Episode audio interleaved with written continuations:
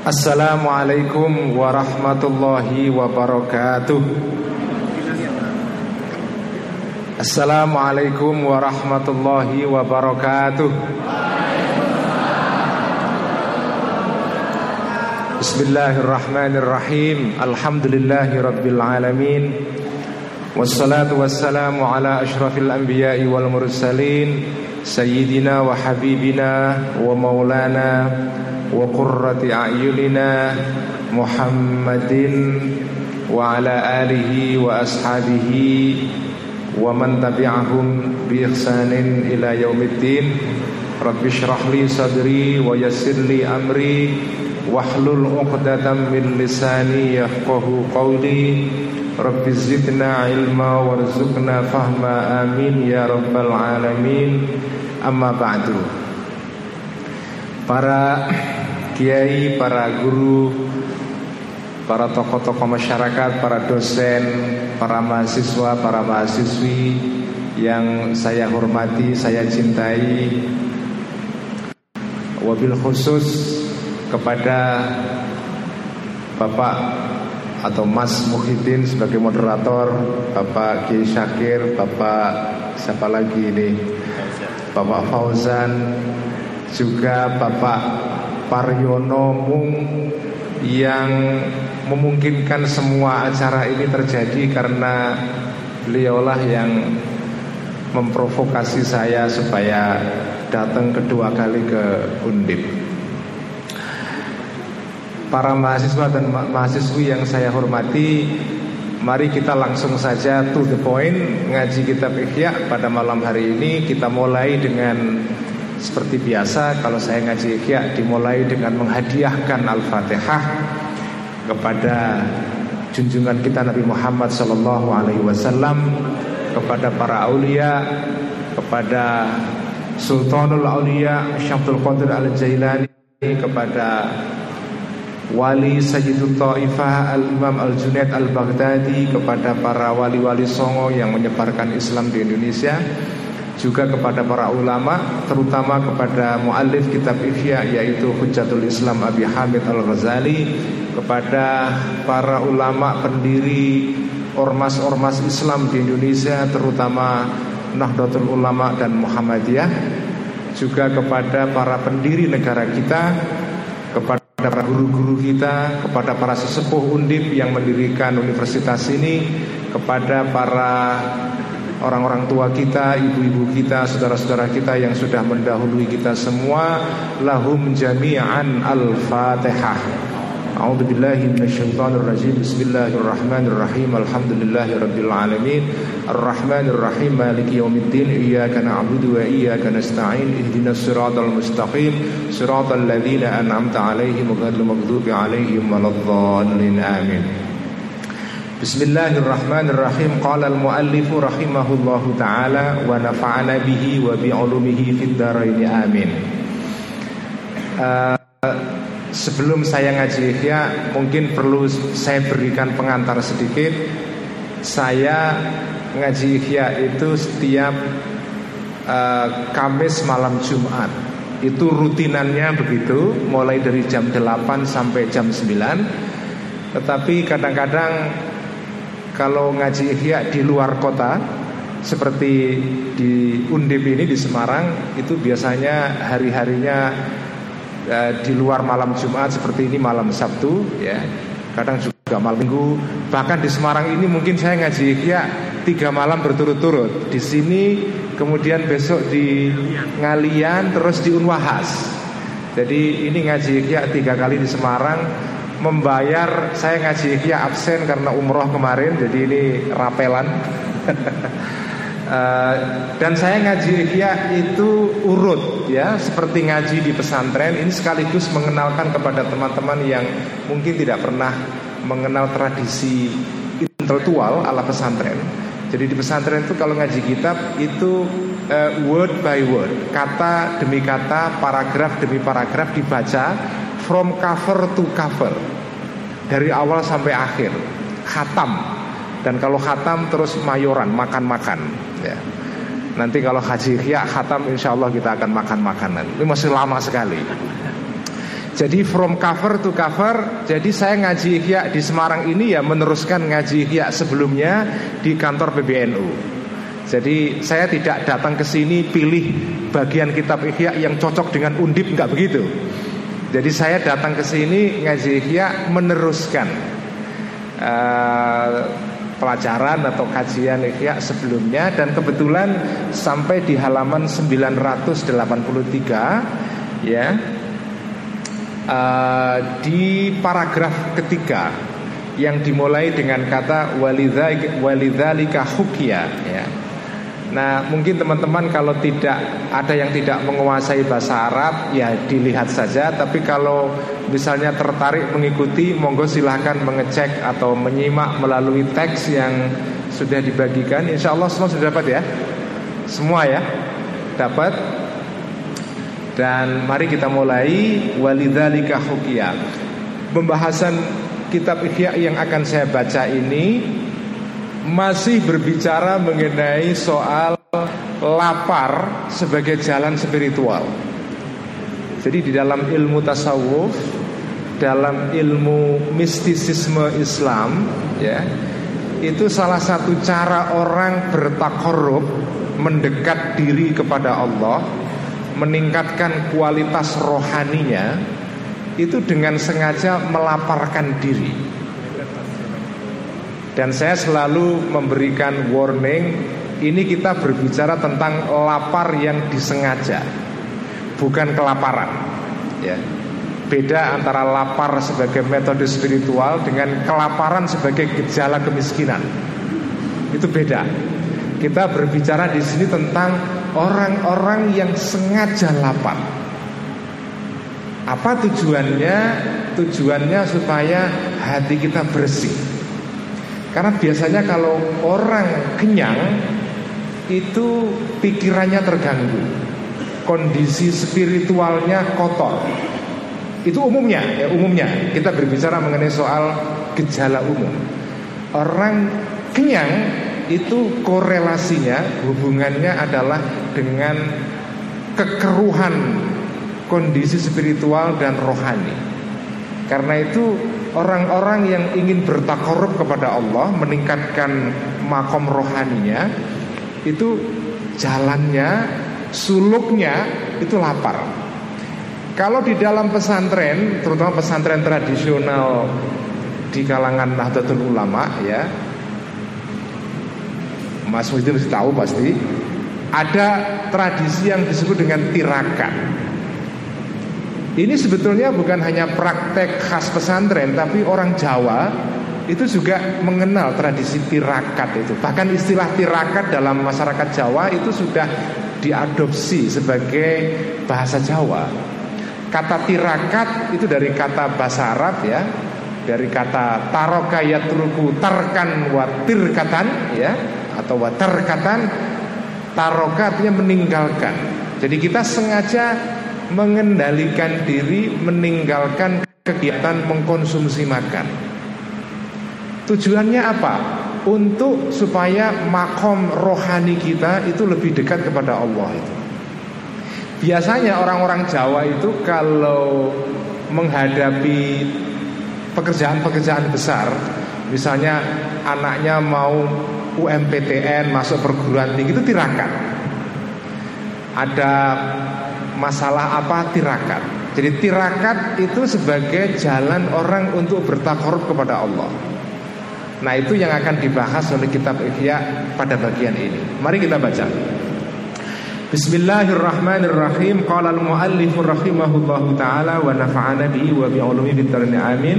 Rabbi yassir wa a'in. Walidzalika karena itu hukia dikisahkan Ansahlin dari seorang ahli sufi besar dari abad ketiga Hijriah namanya Sahal Atustari.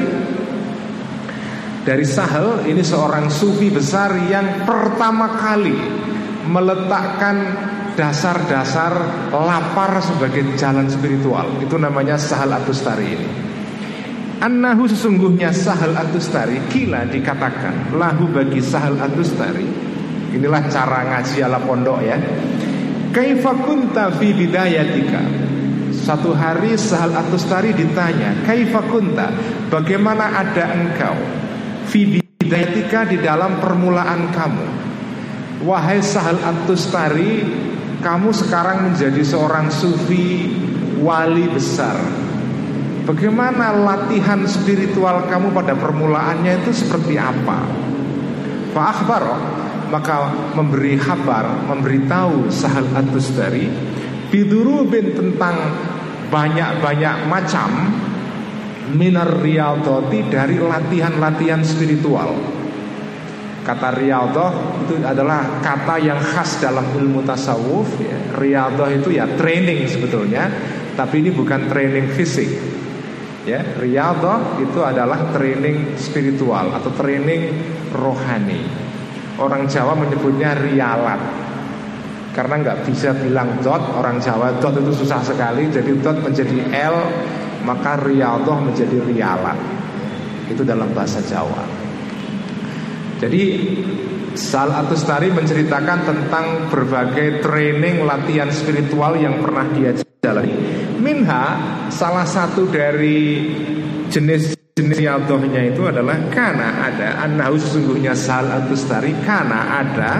Sahal atustari yaktatu makan. Ya. yaktatu makan sahal atustari. Warakon natki uh, daun pohon sedar. Ya. di sini nggak ada pohon sedar itu. Ya pohon sedar itu po ya sejenis pohon ya. Jadi dia makan daun pohon Ya kalau di sini mungkin makan pohon daun-daun apa? Pisang mungkin ya atau kelapa atau kalau di sini ya kelor. Nah, kelor ya. Di Arab nggak ada kelor. Kalau ada kelor mungkin beliau akan makan daun kelor. Um, pada suatu waktu, aku pertama kali ketika latihan jadi wali, kira-kira gitu, ya. Dulu makannya itu cuma pakai daun Ya, artinya sederhana sekali, makan daun tok selama oh, waktu yang lama. Waminha dan salah satu jenis riadohnya adalah anda sesungguhnya sal atustari akala makan dia diqaqatini uh, makan um, tepung ya sesuatu yang ditumbuk artinya tepung tepung dari buah tin ya. Buah tin sekarang banyak di sini ya. Buah tin dikeringkan kemudian ditumbuk jadi tepung. Itulah makanan beliau. Muddata salasina sinina selama waktu tiga tahun ya. selama tiga tahun makanannya ini tok ini diet yang sehat sekali ini karena nggak ada lemaknya. Pokoknya kalau makan ini langsung langsing pokoknya lah Suma zakaro Kemudian menyebutkan Sahal Adustari Annahu sesungguhnya Sahal Iktata ya, Makan dia Bisalah sati darohima Hanya dengan tiga dirham Fitala sinina di dalam tiga tahun. Satu dirham itu kira-kira 80 ribuan. Ya. Uh, Jadi kalau tiga dirham kira-kira berapa? 240 ribu rupiah. Dia makan hanya dengan tiga dirham Fitala sinina dalam waktu tiga tahun. Ya. Saya tidak tahu apakah tiga dirham ini selama tiga tahun penuh. Ini juga kemungkinan ya. Karena menurut kisah yang lain Sahal Atustari itu training latihan lapar itu sejak kecil Makanya pada saat beliau dewasa Itu beliau bisa tahan tidak makan dalam waktu yang lama sekali. Ya, Jadi nah, puncaknya ya ini Selama tiga tahun Makan hanya dengan uang Kira-kira tiga dirham. Artinya Makannya sedikit sekali. Ini contoh ekstrim orang yang menjalani lapar sebagai jalan spiritual seperti ini ya. Ya, ya kalau kita sudah pasti nggak kuat ya, nggak kuat lah, sudah pasti nggak kuat. Ya, tetapi ini contoh betapa manusia itu kalau mau latihan, sebetulnya dia bisa sampai kepada eh, level yang seperti ini, jadi lapar yang sangat-sangat ekstrim. Ya. Fakila maka diucapkan ditanyakan lahu bagi Sahal Atustari Fakaifa maka bagaimana anta engkau fi waktika dalam waktumu hada sekarang Nah sekarang dia spiritual kamu seperti apa Fakala maka berkata Sahal Atustari Aku lu makan aku bila hatin tanpa batas Wala tauqitin dan tidak memakai timing atau ya waktu tertentu sekarang saya sudah sampai kepada level dietnya itu tidak pakai batas. Kadang tidak makan berhari-hari. Jadi kapan makan, kapan tidak itu sudah tidak memakai aturan yang fix. Dulunya ketika latihan beliau makan misalnya sekian jam makan makan apa ya.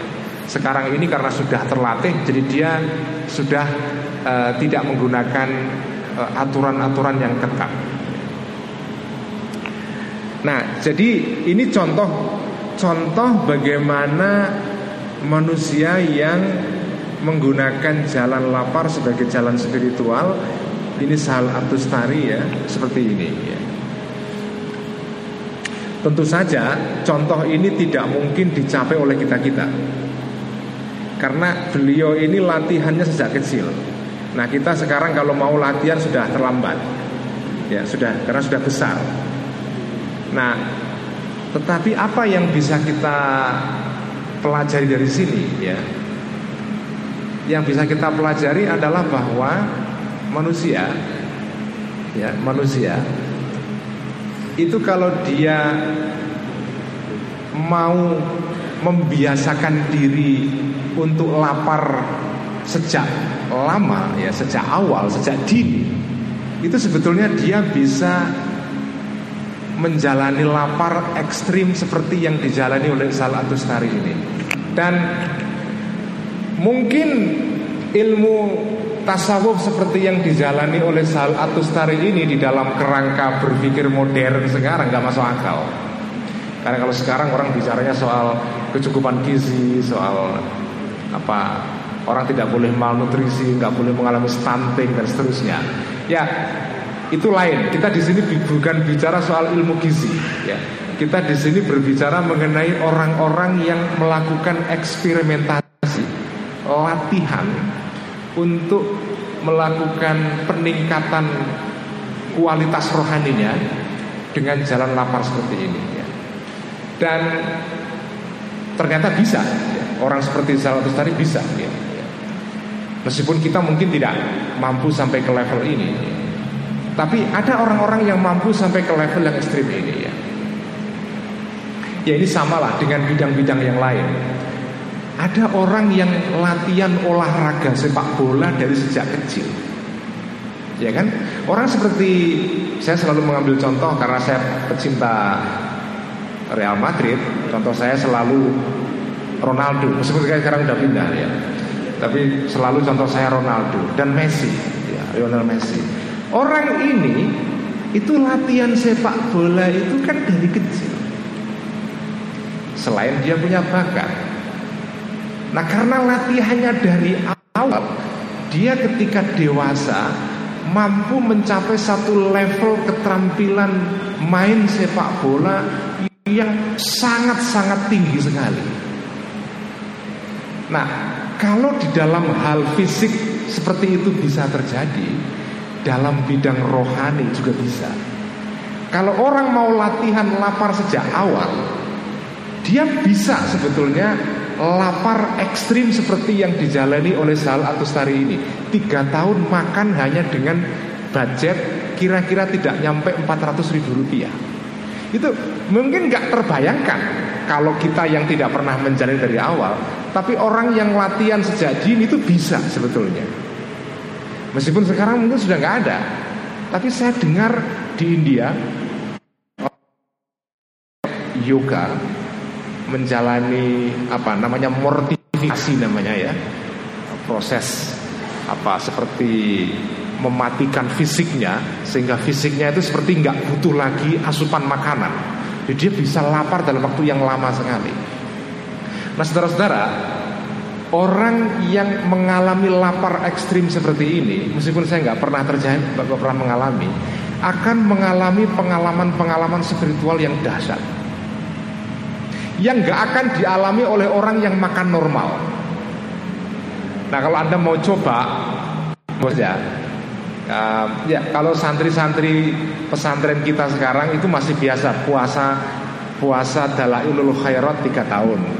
Ya tapi ya puasanya biasa normal, maghrib buka puasa, makan nanti sahur normal. Tapi kalau jenengan mencoba puasa tiga tahun nonstop itu akan mengalami sesuatu pengalaman-pengalaman spiritual yang tidak akan dialami oleh orang-orang yang tidak pernah jalani itu. Ada yang puasa sampai sepanjang hidup, ya. Ada beberapa kiai atau santri atau orang-orang yang sepanjang hidupnya puasa. Nah sekarang pertanyaannya, apakah hal seperti ini tidak bertentangan dengan agama? Apakah Nabi pernah mengajarkan seperti ini? Ya. Nah, kalau kita mau bicara soal seperti itu, nanti kita bisa diskusikan terpisah. Tapi beginilah salah satu praktek-praktek di dalam dunia tasawuf yang dikenal dalam Islam. Jadi sejarah Islam, saudara-saudara sekalian ya, sejarah Islam itu salah satunya adalah selain isinya adalah orang-orang fukoha yang ahli fikih, ada filosof ahli filsafat, ada orang yang ahli tentang astronomi, ya, ada yang ahli mengenai soal matematika, ada yang ahli mengenai fisika dan seterusnya. Sejarah Islam juga isinya adalah orang-orang mutasawwifin yaitu orang-orang yang menjalani jalan spiritual salah satunya adalah dengan melakukan praktek lapar secara ekstrim ya. seperti yang dipraktekkan oleh Sal Atustari ini tiga tahun makan hanya dengan tiga dirham. Ya. Tiga tahun hanya dengan tiga dirham. Saya selalu mengatakan ajaran seperti ini dalam tasawuf itu sebetulnya kalau mau diambil saripatinya saudara-saudara ini sebetulnya ajaran merupakan kritik terhadap pola hidup masyarakat modern yang sangat over konsumeristik. Karena kita sekarang ini hidup di dalam era yang konsumsi terhadap barang itu tanpa batas. Nah, orang-orang sufi itu men mengajukan satu pola hidup yang alternatif, yaitu nggak mau lapar, nggak mau kenyang. Sengah, jadi lapar sebagai jalan perlawanan terhadap masyarakat yang over konsumeristik. Jadi saya selak memaknai ajaran tasawuf seperti ini adalah ini kritik terhadap masyarakat yang konsumsinya berlebihan. Karena sekarang kita hidup di situ. Kita sekarang hidup di era ketika konsumsi itu berlebihan. Jadi itu itu intinya ajaran tasawuf yang kita baca malam ini ya. Kritik terhadap over konsumerisme. Um, jadi saat Sari ketika dia sudah sampai kepada level yang tinggi beliau sudah tidak punya pola diet tertentu. Makan dan tidak makan itu tergantung situasi. Ya. Makanya beliau mengatakan ini sesungguhnya aku, aku lu kadang-kadang makan aku kafiron banyak.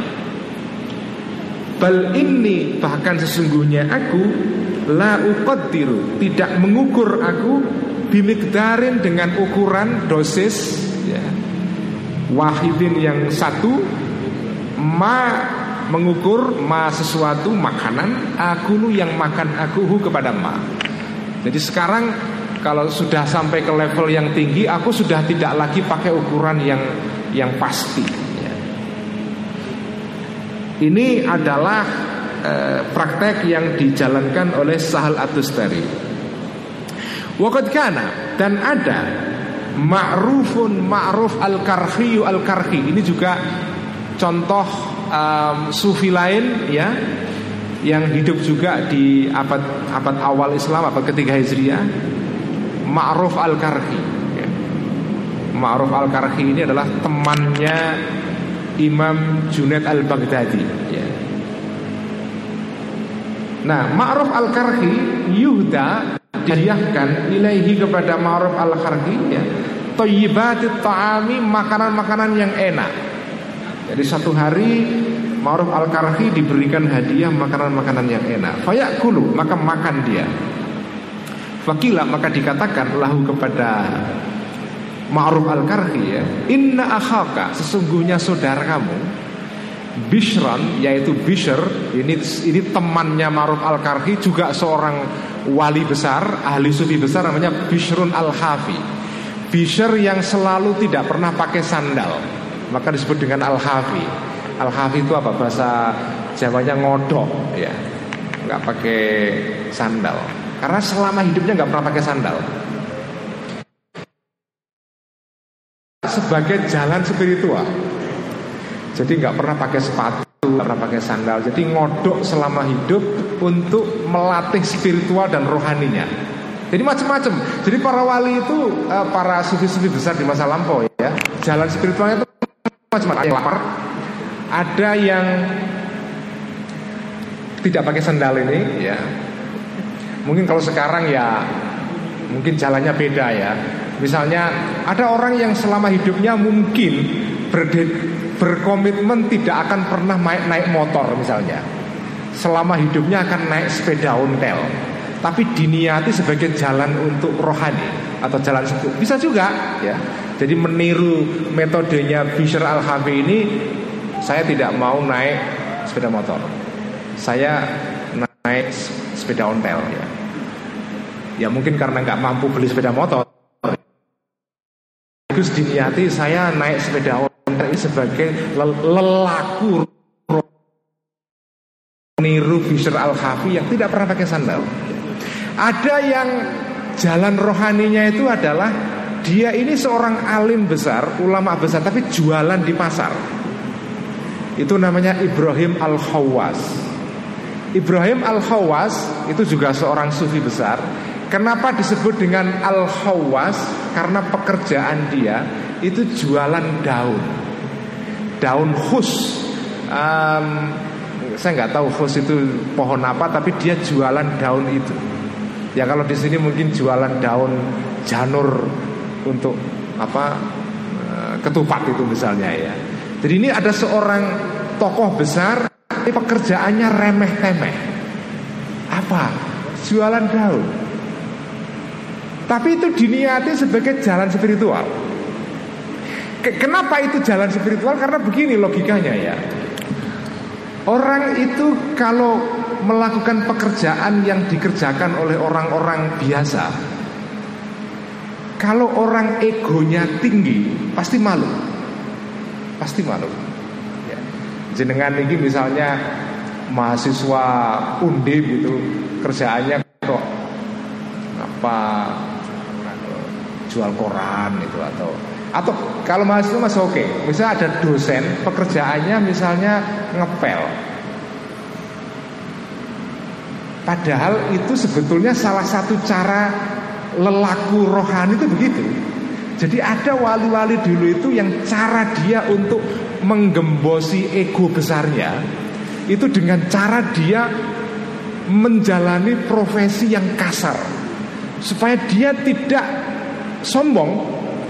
Ini Khawas ini kiai besar dia, tapi jualan daun di pasar.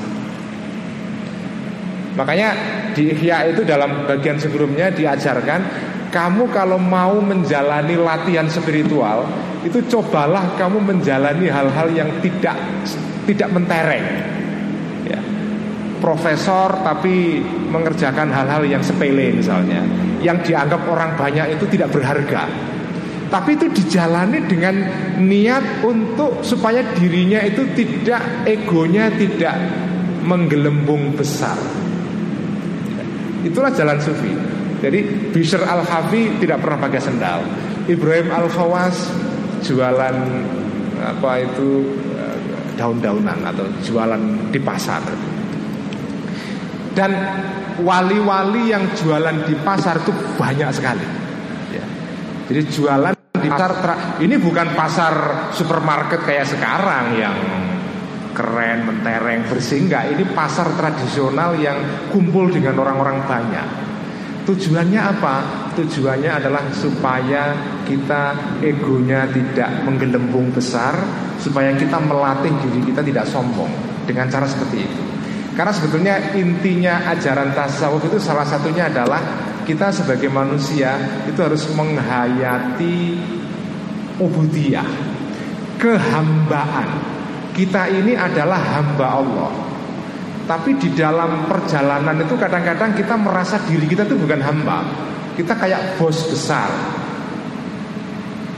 Karena jabatan, karena status sosial, karena kekayaan, karena ilmu, ya. Lalu merasa kita ini kehilangan rasa kehambaan, ubudiyah. Dan cobaan ini akan mengenai banyak orang. Cobaan orang yang mendapatkan nikmat dari Allah berupa ilmu, harta, atau jabatan, atau status sosial Itu biasanya mereka lupa diri mereka itu adalah hamba Bahwa mereka itu adalah seorang abdul Seorang hamba Allah Meskipun mereka di dalam zikir habis sholatnya itu mengaku hamba Allah Tapi perilakunya, perasaannya, attitude-nya bukan hamba sebetulnya. Dia merasa dirinya itu adalah bos. Yang dalam Al-Quran dikatakan Kalla innal insana layatko Sesungguhnya manusia itu cenderung untuk menganggap dirinya itu tuhoh Seperti seorang tiran. Atohi itu artinya raja yang tiran Manusia itu selalu punya kecenderungan Entah kecil entah besar Menjadi seorang raja yang adigang adigung adigunung lupa dirinya hamba. Nah cara untuk mengingatkan kita supaya tidak lupa menjadi hamba ala para sufi kerjakan sesuatu yang remeh. Tidak pakai sendal. Ya, itu salah satu contoh yang dipakai oleh Bishr al Hafi ini. Nah ini fakila maka dikatakan lahu bagi terhadap sal atustari inna akhoka. Ketika sal atustari dapat makanan yang enak ini Kemudian salah satu muridnya mengatakan Inna akhaka Sesungguhnya saudara kamu wahai Sal'ad Bustari Bishran yaitu Bishr al-Hafi Layak kulu tidak makan mitlah seperti ini. Dia makannya tidak makan yang enak seperti yang kamu makan ini. Jadi ini ada muridnya yang protes Ini kok Sal'ad Bustari yang dikenal sebagai orang yang jago lapar kok makan enak? Aneh ini. Fakola maka mengatakan Sal Atustar Inna akhi sesungguhnya saudaraku Bishron yaitu Bishr al-Hafi Qabado me, Qabado memegang me, me, memegang dengan erat-erat ya. Apa? Me, apa Qabado itu? Me, mencengkeram hu terhadap Bishron al-wara'u sikap war Warok itu artinya adalah bukan warok ponorogo ini ya Pak ya. Al warok itu artinya adalah sikap menjauhi hal-hal yang haram dan syubhat. Menjauhi hal-hal yang tidak halal itu warok. Atau bukan sekadar itu, warok itu menjauhi hal-hal yang israf, berbau israf ya. Berlebih-lebihan. Jadi saudaraku Bishr ini dia dicengkeram oleh etos atau semangat al-wara.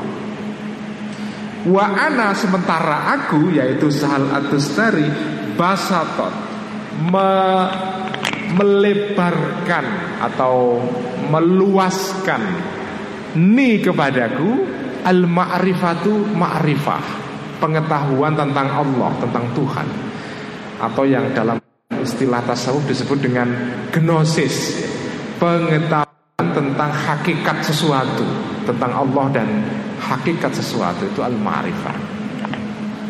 Ini ini kata-kata ini mendalam sekali maknanya ya. Jadi aku maksudnya Sal Atustari ini setelah melewati tirakat, rialat dan perjuangan panjang lapar bertahun-tahun, aku mengalami situasi yaitu aku mengalami makrifah.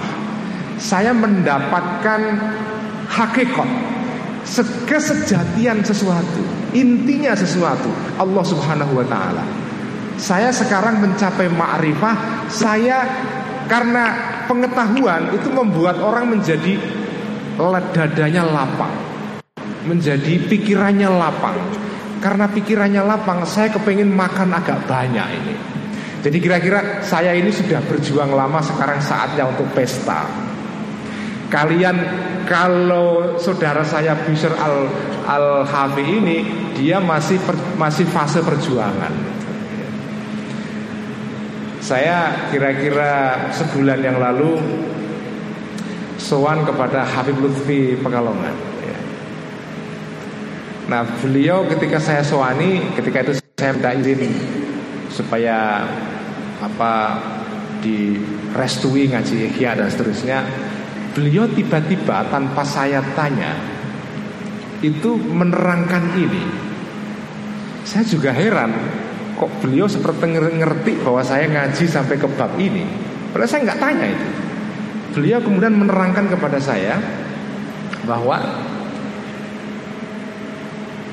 menjadi santri atau menjadi apa kalau kalian belajar tasawuf ya itu harus membedakan antara dua dua level ya.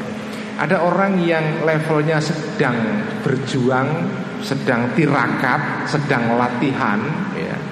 Dan ada orang yang sudah sampai ke level ma'rifat Nah kalau orang lagi berjuang, lagi tirakat Ya tentu saja dia harus lapar, dia harus menjauhi makanan yang enak. Tapi kalau orang sudah sampai kepada tujuannya Sudah sampai ke level hakikat Sampai kepada level ma'rifat Ya dia diperbolehkan untuk sedikit menikmati makanan atau mengkonsumsi sesuatu yang yang yang lebih enak daripada biasanya. Itu persis seperti kisahnya Syabdul Qadir al Jailani dalam Manakib ya. Syabdul Qadir Jailani kan pernah dalam satu cerita beliau ini memerintahkan kepada seorang santrinya untuk tidak boleh makan yang enak. Tiba-tiba suatu hari beliau ini apa memerintahkan kepada pembantunya untuk masak ayam, menyembelih ayam dimasak enak sekali ya kayak makanya sekarang kalau manakiban itu nyembelih ayam itu karena dari kisah ini ya. Jadi saya tuh terjadi satu hari makan makan ayam ayam ingkung itu ya. Mungkin makan ayam saya nggak tahu karena itu mungkin dimasak ala Baghdad sana. Tapi kalau Jawa itu makan ayam ingkung itu ya Makan ayam enak sekali. Lalu santrinya protes Guru Ini bagaimana? Ya, Ini saya disuruh tirakat makan tidak boleh enak. Ini kok guru makan enak? Ini kan nggak konsisten ini. Kalau santrinya agak kurang ajar mungkin didalili dengan Quran. Ya. Ini kaburo maktan indallahi antakulu malah taf'alun. Ya, Kira-kira gitulah. Orang yang memerintahkan sesuatu yang tidak dijalankan itu akan dilaknat oleh Allah Subhanahu wa taala. Ini santri yang tidak mengerti proporsi. Ya. Jadi Syaikhul Jalani menjawab, ya kalian kamu ini lagi latihan. Makanya kalau ada santri jangan iri sama kiainya kok hidupnya agak enak. Kalau menjadi mahasiswa ya mahasiswa, ya kalau ada dosennya yang agak mentereng ya nggak apa-apa. Nanti kalau kamu jadi dosen juga begitu. Tapi kalau taraf perjuangan ya ini Pak kalau dalam bahasanya Sal Atustari ya Qobadahul wara Dia sedang dicengkeram oleh wara Yaitu sikap menjauhi makanan-makanan yang berlebihan Makanan-makanan yang enak Karena lagi latihan, karena berjuang Tetapi saya sudah sampai wa ana basatot nil ma'rifah. Saya sudah sampai kepada ma'rifah, jadi ya mungkin agak sedikit lebih lebih ringan. Artinya makan yang agak enak boleh ya, karena agak sedikit boleh pesta, kira-kira begitu ya. Sumakala maka kemudian berkata Sal Atustari Innama ana sesungguhnya aku Doifun adalah seorang tamu Fidari maulaya di dalam rumahnya Tuanku yaitu Allah subhanahu wa ta'ala ya. Aku ini sudah sampai ke makom yang dekat dengan Tuhan Jadi aku ini seperti tamunya Allah ya. Karena aku tamu, ya tamu itu kalau disuguhi makanan kan kalau tidak dimakan nggak sopan, ya kan?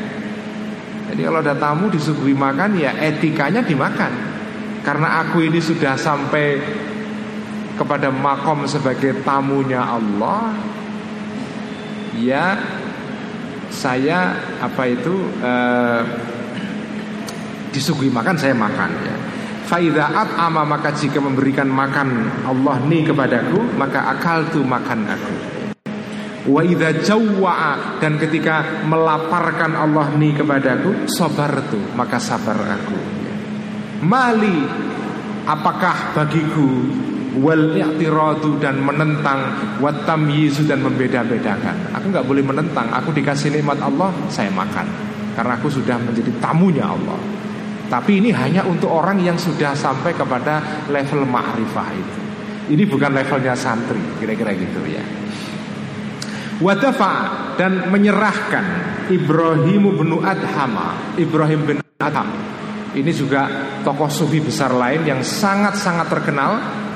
Hidupnya pada abad kedua Hijriah, aslinya dari daerah Afghanistan, dari kota Balakh, Kisah hidupnya mirip dengan Siddhartha Gautama. Ya, Ibrahim bin Adham ini wali besar dari Afghanistan. Kenapa saya sebut mirip dengan Siddhartha Gautama? Karena dia ini dulunya sebelum menjadi seorang sufi, beliau itu adalah anak seorang raja. Raja di daerah Afghanistan. Hidupnya mewah, Melimpah ruah secara materi dan seterusnya Hidup yang enak Tapi suatu saat kemudian dia mengalami perubahan yang dahsyat dalam hidupnya Kemudian dia meninggalkan seluruh kenikmatan duniawi itu Keluar dari istana Kemudian menjadi seorang sufi pengelana Yang jalan ribuan mil men, apa, men, Mengunjungi berbagai tempat-tempat di seluruh hampir di kawasan dunia Islam ketika itu. Karena salah satu jalan sufi itu dulu adalah selain tadi itu nggak pakai sendal, ada yang jualan di pasar. Salah satu jalan sufi itu adalah dia jalan terus. Jadi traveling, ya, wisata, tapi ini bukan wisata kuliner ya pak. Ini traveling sebagai jalan rohani. Jadi dalam bahasa Arabnya ya asyaha jadi dulu itu para wali-wali itu salah satu jalan jalan. Ini kalau di sini ya kayak Pak Di jalan terus itu kayak itu benar ya, ya. Jadi kalau dulu kisah ini sudah mentaram. Kalau ada yang pernah dengar tokoh namanya Ki Ageng Surya Mentaram yang kemudian meninggal di daerah Salatiga sini dekat ya dia dulunya adalah salah satu keluarga keraton Ngayogyakarta, kemudian meninggalkan uh, jabatannya atau gelarnya sebagai bangsawan, kemudian nyantri dan bahkan sempat menjadi seorang pedagang pasar di daerah Cilacap, ya. Kemudian ikut di dalam apa uh, laku tasawuf, laku sufi dan kemudian menjadi seorang tokoh sufi Jawa yang terkenal pada tahun 50-an. Itu namanya Ki Ageng Surya Mentara. Lakunya dia persis dengan Ibrahim bin Adham Ibrahim bin Adham persis dengan Siddhartha Gautama. Orang yang melakukan apa istilahnya kalau dalam istilah sosiologi mungkin disebut dengan orang yang melakukan bunuh diri kelas. Bangsawan meninggalkan gelarnya jadi rakyat jelata jadi sufi. Ini Ibrahim bin Adham ya. Nah ini cerita tentang Ibrahim bin Adham. Dan menyerahkan ya. Ibrahim bin Adham Ibrahim bin Adham. Setelah dia jadi wali besar ya. Ila ba'di ikhwani kepada sebagian teman-temannya Ibrahim bin Adham. Darohima Beberapa uang dirham. Wakala dan berkata Ibrahim bin Adham Khud Ambillah atau belilah lana bagi kami bihadhihi darohimi dengan dirham-dirham ini yang jumlahnya banyak ini.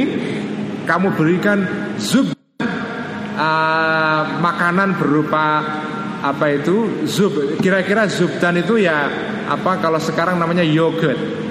Apa yogurt? Uh, apa namanya yogurt itu jawanya? Ya fermentasi dari susu itu ya. Yogurt keju ya. Bukan keju ini yogurt ya Yogurt, subtan yogurt. Ada yang pernah makan yogurt nggak? Oh, pernah lah sekarang banyak di Indomaret itu dijual Subtan yogurt wa asalan dan madu wa khubzan dan roti hawarian roti hawari. Ini roti yang yang keren ya yang enak sekali. Roti yang enak. Kalau di di Arab sana namanya mungkin semacam ish ya ish ya. Roti yang enak sekali. Di sini nggak ada. Jadi belilah yogurt madu roti roti hawari. Ini persis seperti kemarin ketika saya umroh sarapan dipakai ini ini enak sekali makanan ini ya enak sekali ini nggak kalah dengan soto bangkong atau Nah, kira-kira gitulah ya. Pokoknya aku belikan makanan yang enak. Ini kata Ibrahim bin Adham. Fakila maka dikatakan kepada Ibrahim bin Adham, ya Aba Ishaq, wahai Aba Ishaq ya. Ini jejuluknya ya orang Arab itu itu punya tiga jenis nama. Namanya sendiri, proper name, misalnya Abdullah, Abdullah. Tapi ada nama namanya kunyah yaitu nama berdasarkan bapaknya atau anaknya. Kalau dia punya anak namanya Ishak, maka dia disebut sebagai bapaknya Ishak. Maka ini namanya Ibrahim bin Adam disebut dengan Aba Ishak atau Abu Ishak. Itu namanya kunyah. Ada nama itu namanya lakob, jejuluk, ya.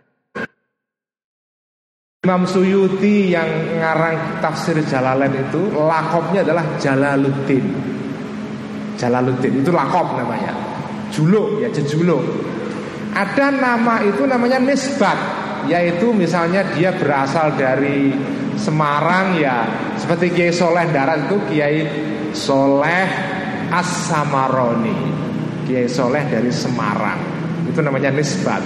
Di dalam bahasa itu ada nama itu empat, nama namanya sendiri, kunyah, lakob, dan nisbah. Ya. Nah, Abai Ishak itu namanya kunyah.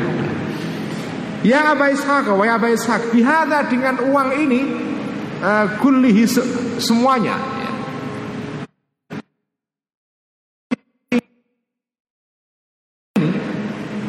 Kala mengatakan uh, WHK itu ungkapan agak marah. Maksudnya ya mungkin kalau di sini apa ya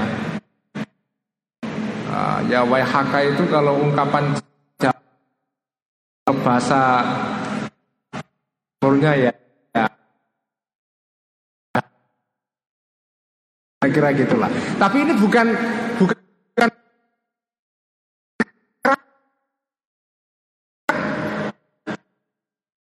Nah, ketika menemukan kami, kalau kami dapat makanan ya akalna maka makan kami. Rijali seperti makannya orang-orang laki-laki. Ya kalau ada makanan kami makan makan seperti layaknya makanannya orang-orang yang makan serius ya.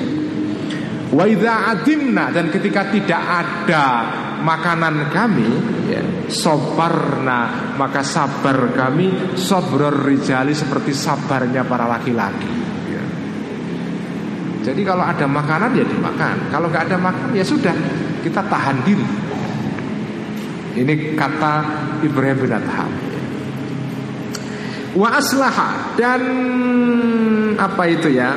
Masak maksudnya wa aslaha itu masak, masak yang enak ya. Maksudnya membaik, memperbaiki maksudnya makan masak yang enak. Ibrahim bin Adham Zatayomin pada suatu hari To'aman makanan kathiron yang banyak.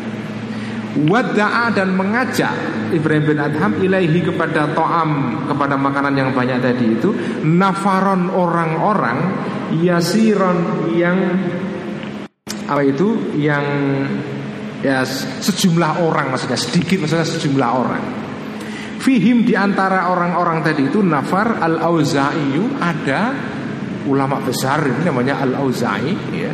Ini salah satu ahli fikih dari kota Syam ya.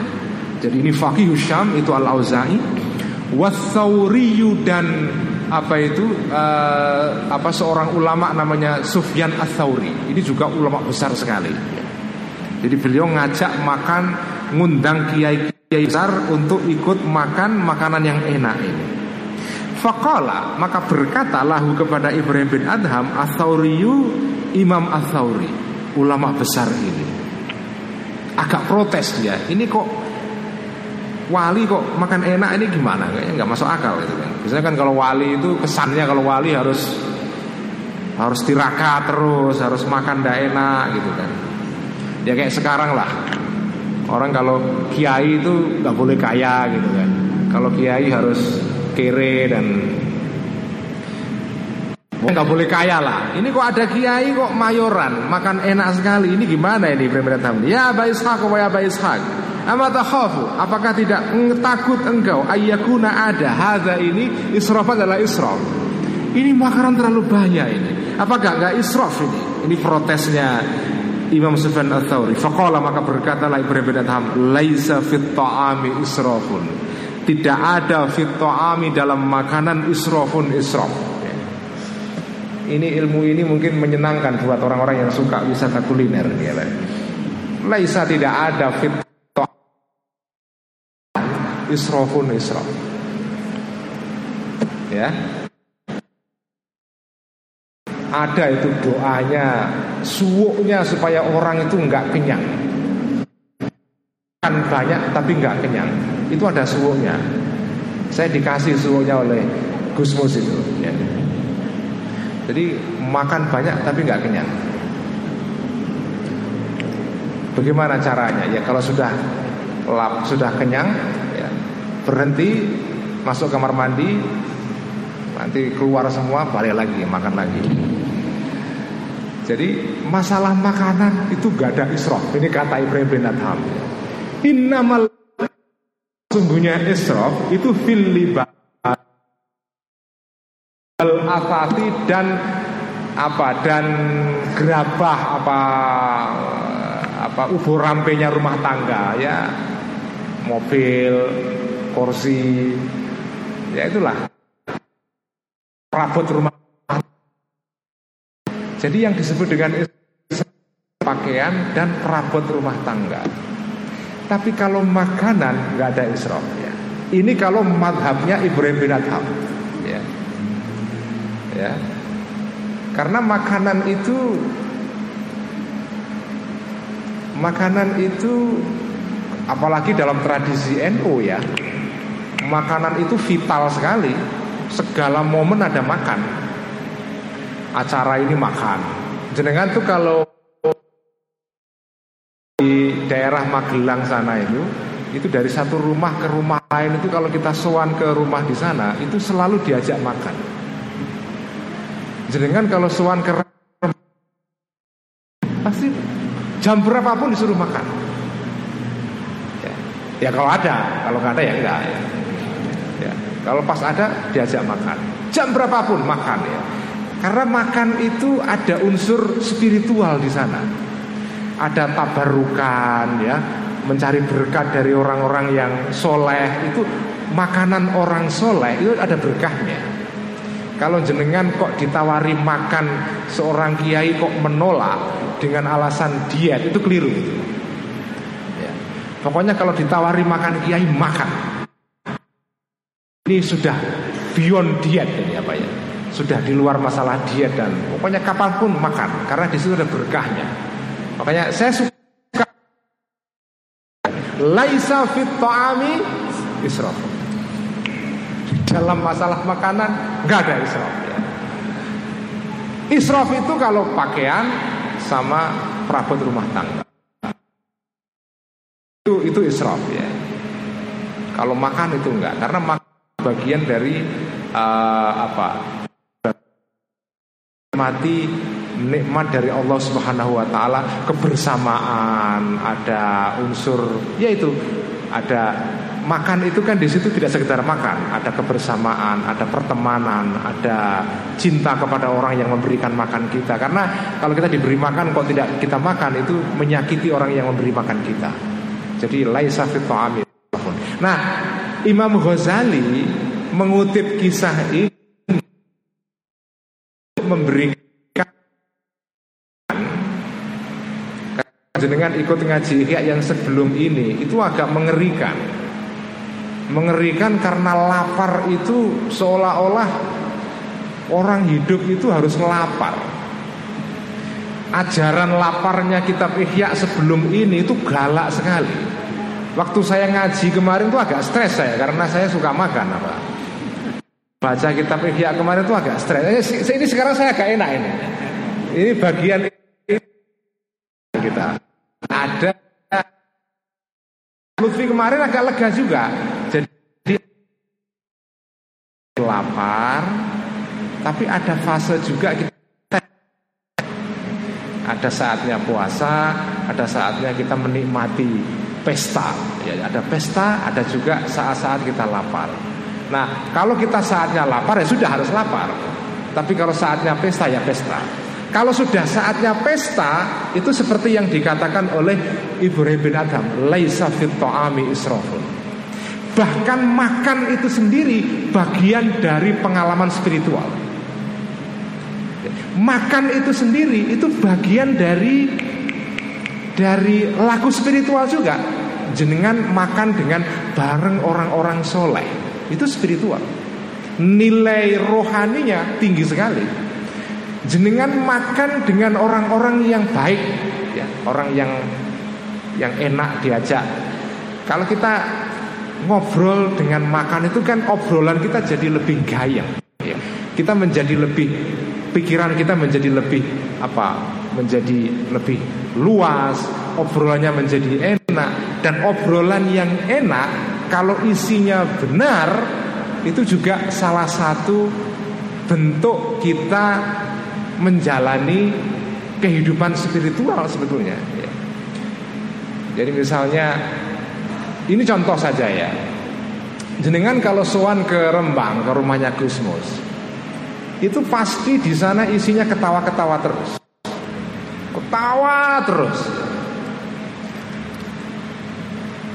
Nah, tapi ketawa itu bagian dari keakraban.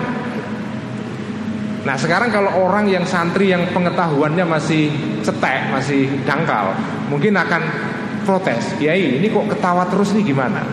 Padahal di Quran dikatakan wal yadhaku qalilan wal yabku kathiran disuruh ketawa itu sedikit nangisnya banyak ini kok di tempatnya Gusmus kok ketawa terus nih gimana?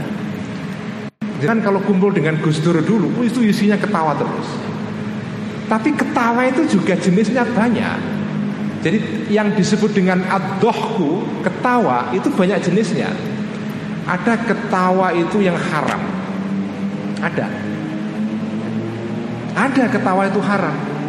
Apa contohnya ketawa yang haram? Ketawa yang haram adalah ketawa yang mentertawakan orang lain.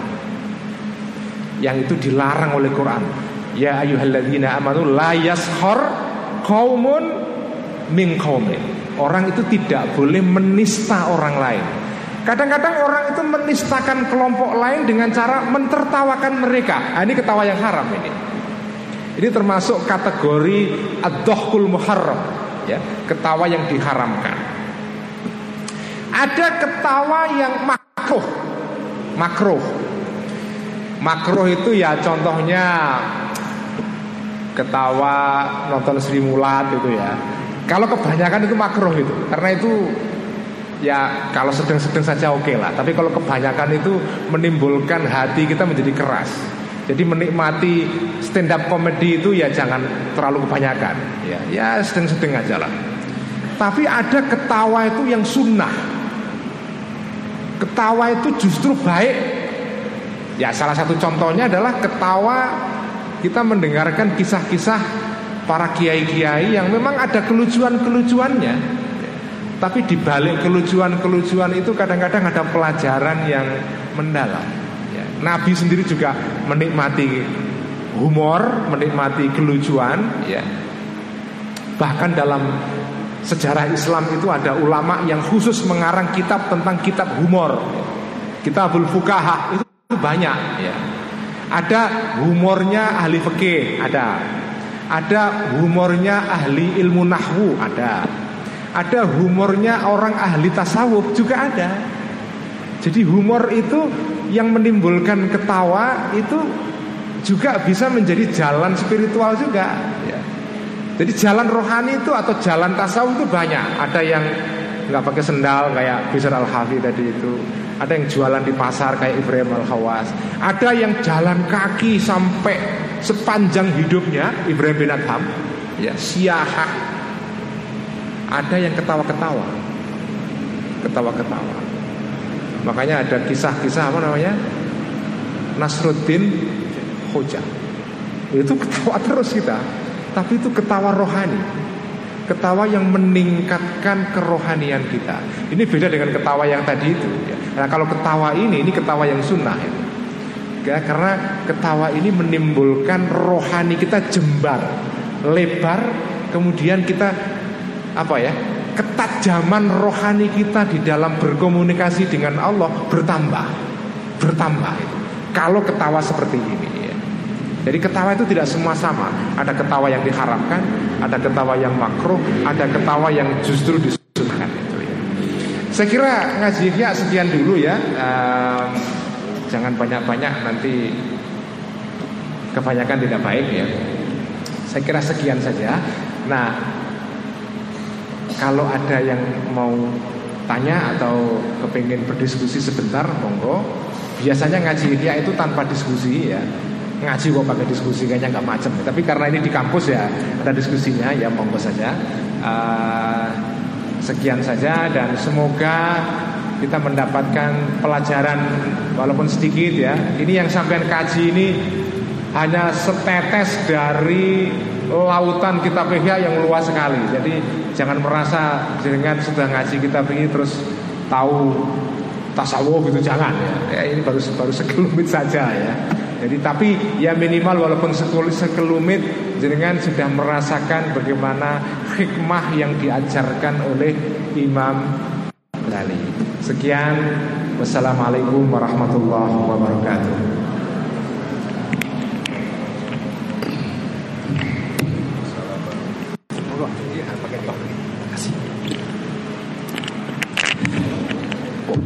Waalaikumsalam warahmatullahi wabarakatuh. Terima kasih atas penjelasan paparan mengenai masalah hikmah untuk uh, faedahnya lapar. Ternyata di bagian-bagian terakhir itu juga berbicara mengenai kita boleh pesta atau mayoran.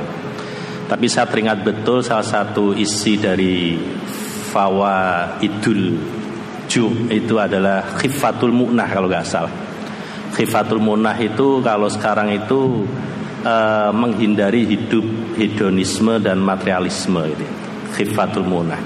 Ada lagi yang mengatakan Imam Ghazali itu rikotul kolbi wa. Jadi hati bisa menjadi lunak dan bisa membersihkan. Salah satunya itu. Kalau gak salah sekitar lebih ada sekitar 10 faedah orang lapar itu.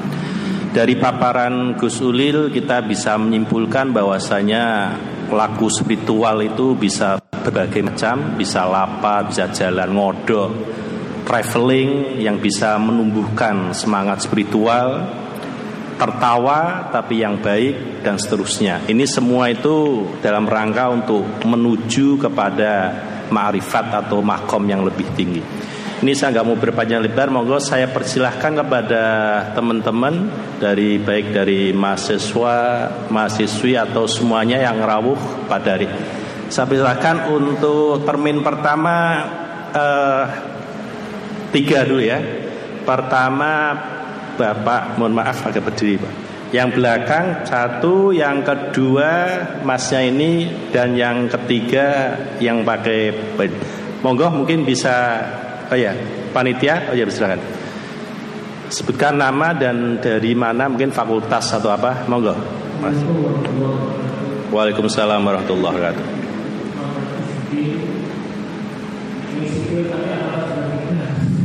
Hmm.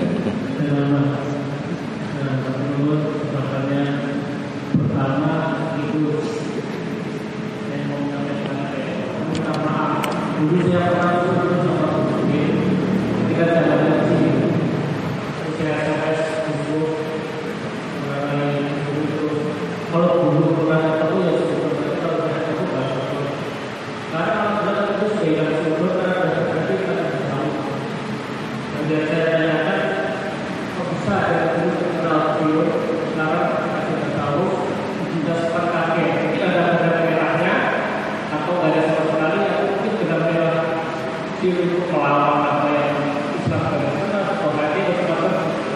wonderful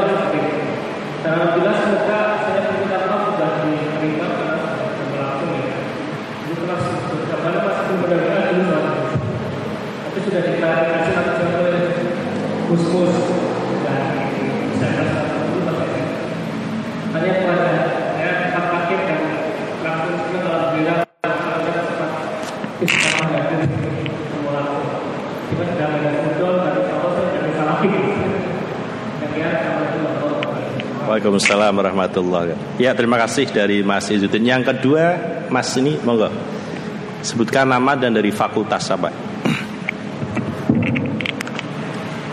Ya, Assalamualaikum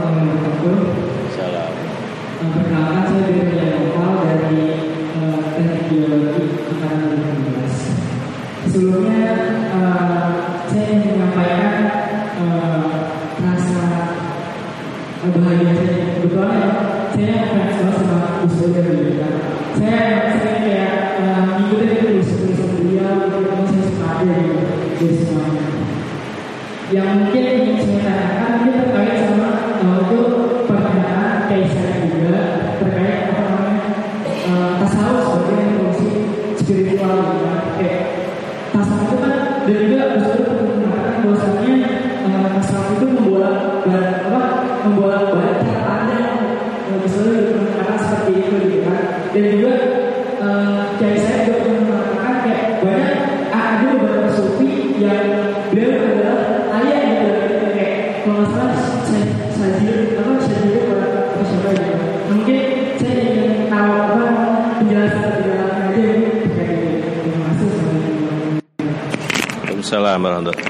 Yang ketiga, monggo yang pakai peci merah.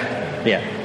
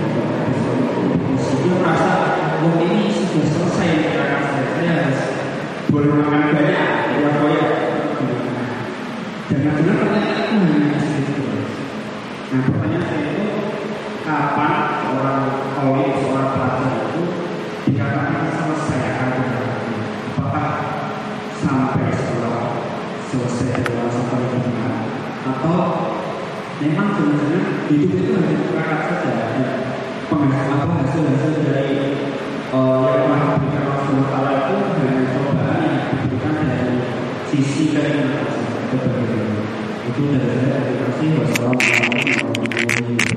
Waalaikumsalam warahmatullahi wabarakatuh. Ini untuk sementara tiga penanya dulu ya, nanti buka termin yang kedua. Dari pertanyaan yang pertama, nah ini mengalami bagaimana kok dari jaringan Islam liberal menjadi seorang sufi atau jangan sudah menjadi wali nih gitu kan. Ini kelihatannya seingat saya itu pernah jadi pertanyaan saya dulu ketika di peleburan ya. Ya monggo mungkin bisa diulang jawabannya dan seterusnya. Tapi saya nggak tahu sudon apa dari masnya tadi kepada Gus Ulil itu tadi. Tapi sudah menjadi mas. Yang kedua dari Mas Noval teknik geologi ya. Ini bicara tentang masalah eh, tasawuf tadi ya. Itu nanti biar diperjelaskan oleh Gus. Dan yang ketiga dari Mas tadi tentang masalah batasan kapan selesainya tirakat. Jangan-jangan kalau sudah dapat beasiswa bidik misi dan seterusnya langsung selesai finish sudah makrifat tingkatannya ya monggo uh, Gus Suli untuk menjelaskan.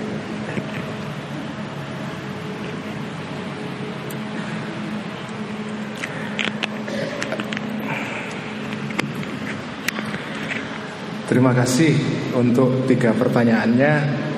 Yang pertama ini pertanyaan yang sering diajukan kepada saya ya. Bagaimana orang yang mendirikan jaringan Islam liberal kok ngaji ikhya Dulu waktu saya masih dikenal sebagai tokoh jil, saya ceramah di Undip di sini, saya didemonstrasi. Saya diprotes oleh teman-teman Undip yang ya itulah ya. Saya pernah diprotes ya. Meskipun ceramah saya berlangsung tapi sempat ada ganjalan ya. Sekarang ini saya datang ke Undip Ya meskipun ada masih pertanyaan ini itu ini itu Tapi sudah tidak jadi soal Karena ngaji ya, ya. Nah kenapa kok saya bisa ngaji kitab Ihya Sebetulnya saya ngaji kitab Ihya itu sejak bahkan masih di jin. Nah saya ini pecinta kitab Ihya itu dari sejak di pesantren. Saya ini kan orang pesantren ya. Orang pesantren yang ngad, yang ngaji tasawuf itu kan bagian dari uh, apa pelajaran dasar atau fondasi utama di dalam intelektualisme pesantren itu kan ya selain fikih, selain apa ya ilmu-ilmu alat ya, tapi juga ilmu tasawuf ya.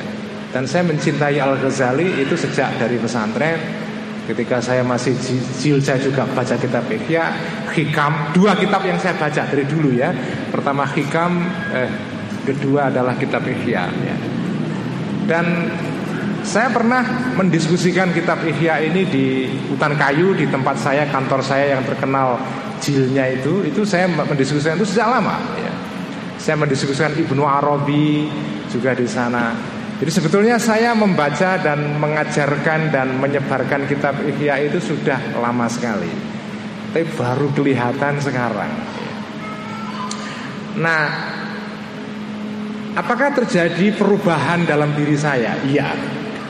Perubahan dalam pengertian bahwa sekarang ini saya ingin masuk ke satu fase baru di dalam kehidupan rohani dan intelektual saya.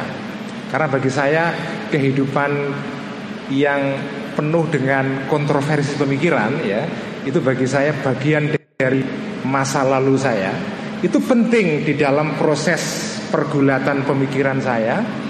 Tetapi saya menganggap saya harus menjalani fase baru. Nah, fase baru ini adalah fase dalam uh, hidup saya. Saya ingin um, menyebarkan uh, ajaran-ajaran tasawuf dalam Islam karena sebetulnya tujuannya sama sebetulnya. Ketika saya mendirikan jaringan Islam liberal itu sebetulnya kan tujuan saya adalah untuk mengcounter ideologi-ideologi Islam yang saya anggap problematis ya. HTI ada macam-macam Sebelum Ansor Banser dulu melawan HTI itu kan saya pertama kali yang melakukan itu.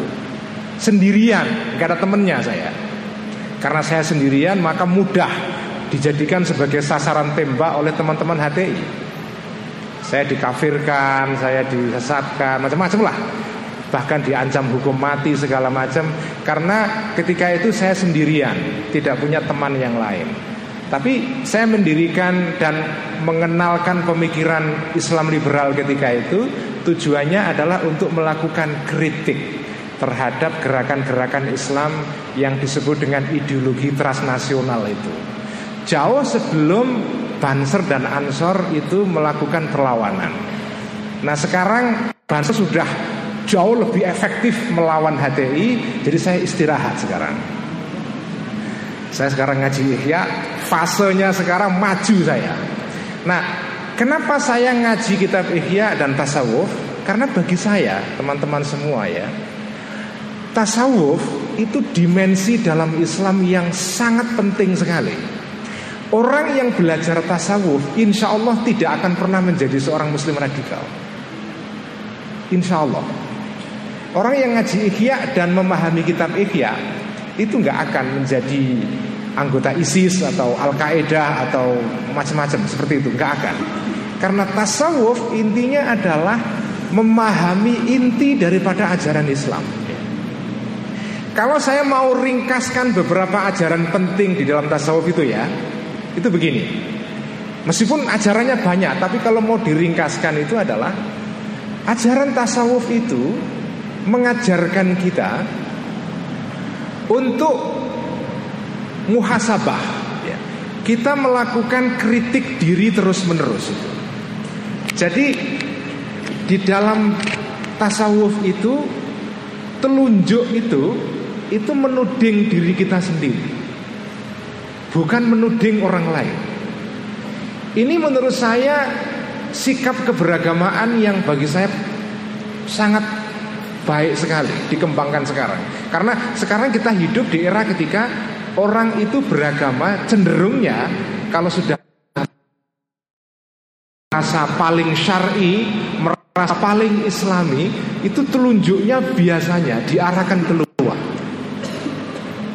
Nah, kalau bertasawuf, telunjuk itu diarahkan ke diri sendiri.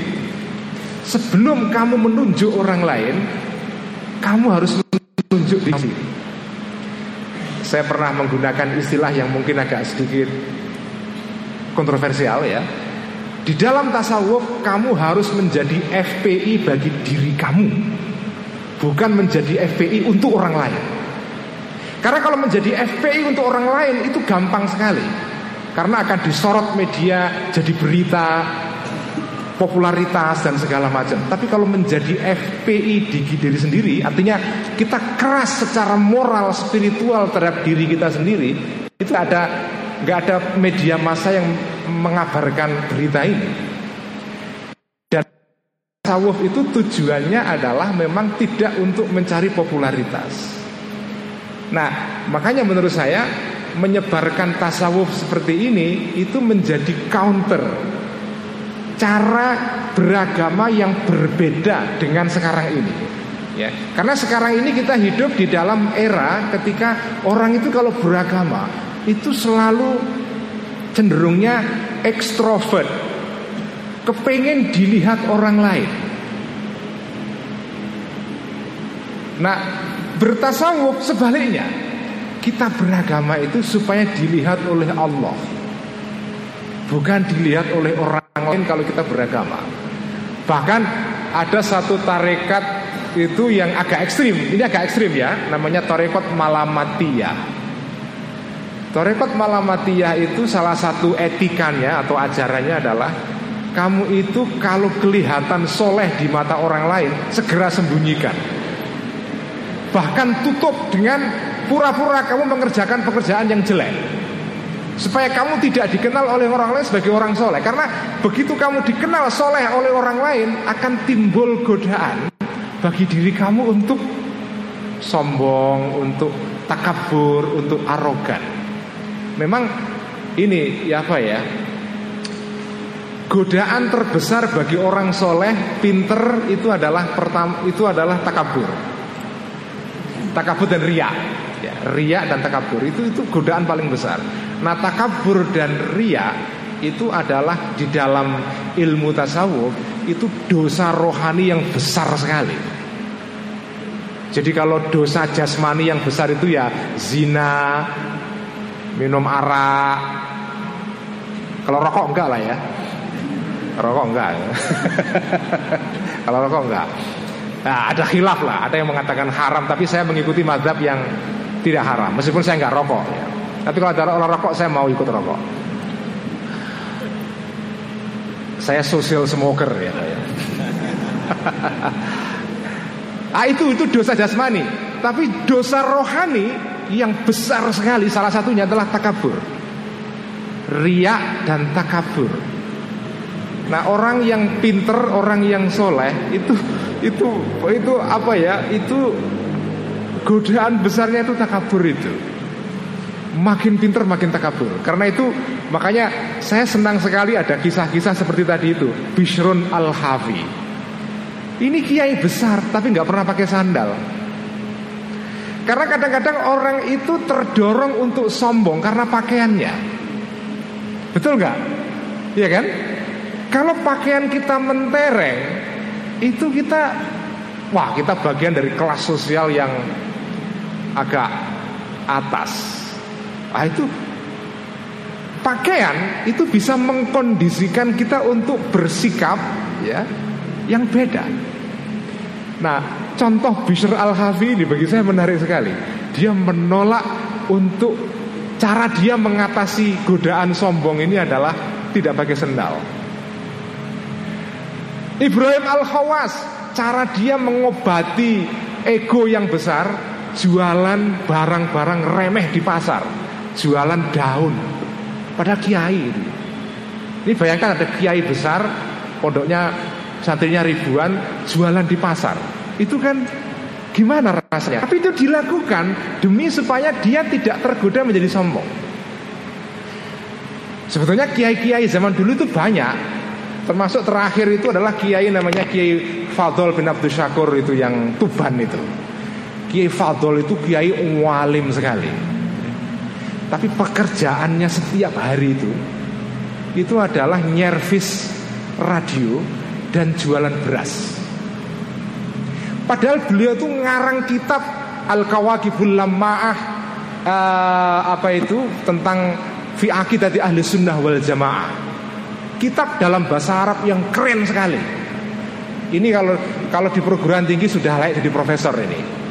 Kiai Kiai Abdul Fadl ini. Kerjaannya adalah nyervis radio dan jualan beras.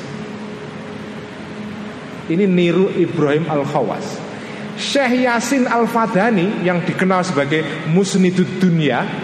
Ini seorang Indonesia asal Padang tapi apa tinggal di Mekah, menjadi orang yang sangat dihormati di sana ahli hadis. Ya. Bahkan disebut sebagai Musnidud Dunia, ahli sanatnya dunia pada abad ke-20 yang mendirikan madrasah Darul Ulum, menjadi kiai-kiainya para kiai Indonesia. Pekerjaannya apa? Jualan minyak. Itu itu cara sebagian ya. Jalan rohaninya Syekh Yasin adalah itu, jualan barang yang tidak berharga, yang di mata orang lain mungkin dianggap itu sepele. Dia meniru jalannya Ibrahim Al-Khawas. Ada yang jalannya dengan jalan siahah, Jalan terus Karena biasanya orang itu kalau jalan terus Saudara-saudara ya Kenapa siaha? Kenapa siaha jalan-jalan itu sebagai jalan rohani?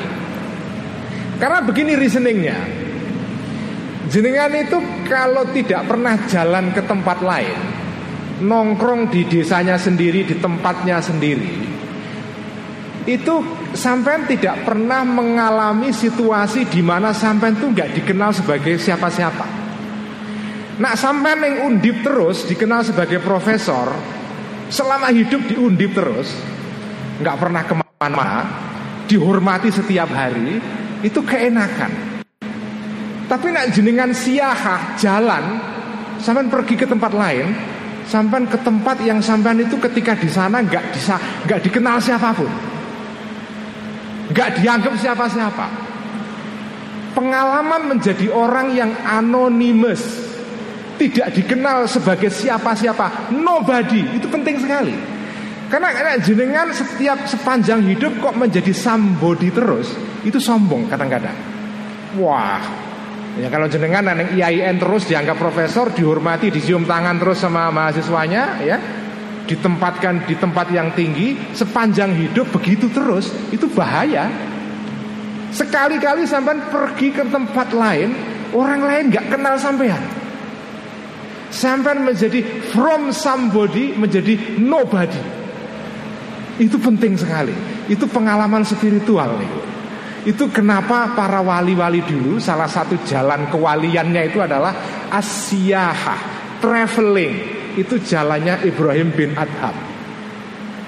Karena nggak jenengan traveling itu tadi jenengan sampai ke tempat di mana jenengan nggak dikenal siapa pun, nggak kenal siapa pun. Makanya penting itu.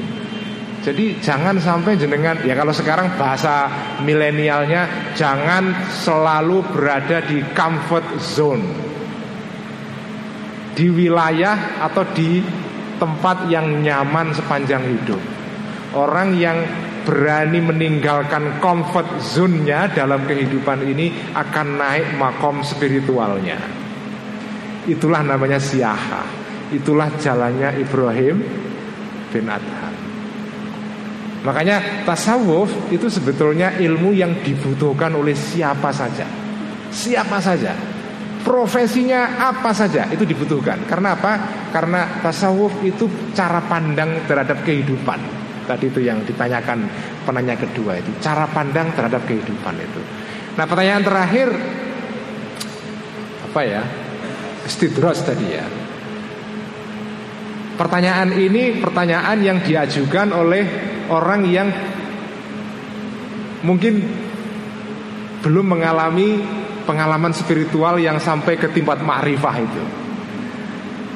Kalau sampean sudah sampai ke tingkat ma'rifah itu, jenengan tahu itu mana nikmat Allah yang istidraj. Artinya istidraj itu adalah nikmat yang diberikan Allah bukan untuk untuk memberikan nikmat, tapi untuk mencoba kita.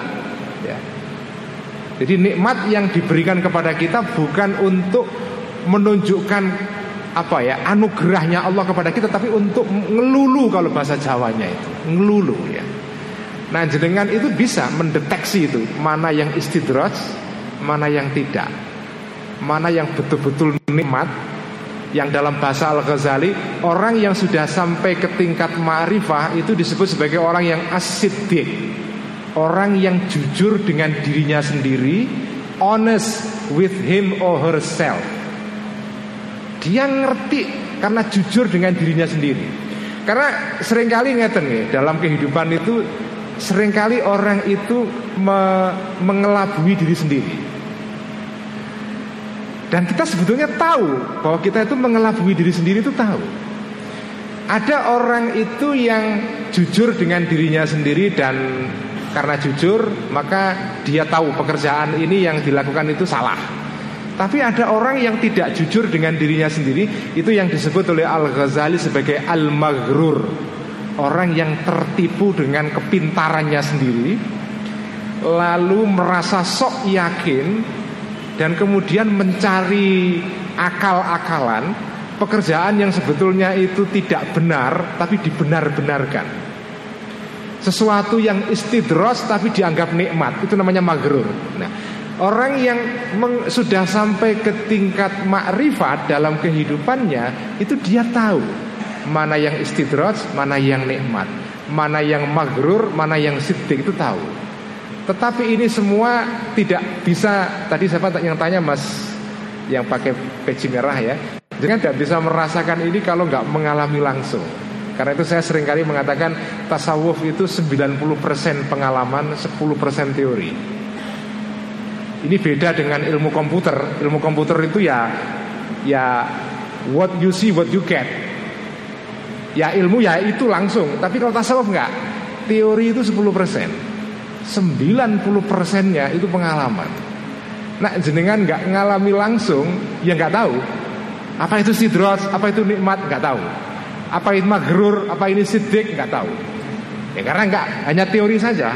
Makanya ihya ini malam ini baru teori jenengan ya. Tapi jenengan hanya bisa mengalami ini semua kalau jenengan jalankan. Kisah Bishr al-Hafi itu tadi kisah saja. Tapi kalau jenengan mau kepingin ngalami meniru Bishr al-Hafi dalam konteks modern, ya terus coba. Nah, tapi tadi ada yang tanya soal Syekh Hasan Asadili yang kaya, ya kan? Ada wali yang kaya, ada wali yang kere, ya. Sebetulnya kalau di, di mata orang makrifat itu, ya, tadi yang nanya yang kedua tadi itu ya. Di mata orang yang sudah sampai makrifat, kaya dan kere itu relatif sekali. Jadi makanya tasawuf itu cara pandang. Ada orang yang kaya raya tapi punya ke, apa ya punya kondisi rohani yang sangat baik sekali. Tingkat spiritualitasnya, nafsunya itu bersih. Itu bisa juga. Ada orang yang miskin tetapi hatinya dipenuhi dengan harta. Itu ada juga. Ada orang kaya yang justru ikhlas. Kalau jenengan jalan ikhlasnya melalui kekayaan, jadilah orang kaya. Ya. Loh ada juga loh menjadi wali itu dengan cara kaya juga ada. Tapi ada juga yang menjadi wali dengan cara menolak kekayaan, itu juga ada. Makanya Nabi memilih jalan kedua ini. Makanya Nabi itu doanya Allahumma ahyini miskinan, ini miskinan. Wahai Allah, hidupkanlah aku dalam keadaan miskin dan matikan aku dalam keadaan miskin. Ini orang yang makomnya tinggi. Kalau jenengan jangan doa ini, jangan ya. Kalau jenengan doanya Allahumma rizukna rizkon halalan toyiban wasian. Nah itu kalau jenengan. Tapi kalau jenengan Allahumma amitni miskinan kayaknya kok belum lah. Nggak makomnya itu. Ya. Tapi kalau jenengan sampai ke makom itu Bisa nggak apa-apa. Bagus ya. Jadi tasawuf itu itu adalah cara berpikir. Ada orang yang walaupun kaya Tapi zuhud Ada orang yang miskin tapi rakus sekali kepada harta. Ada juga. Ya. Ada orang yang kepintarannya membuat dia dekat kepada Allah. Ada. Ada orang yang kepintarannya menjauhkan dari Allah. Ada.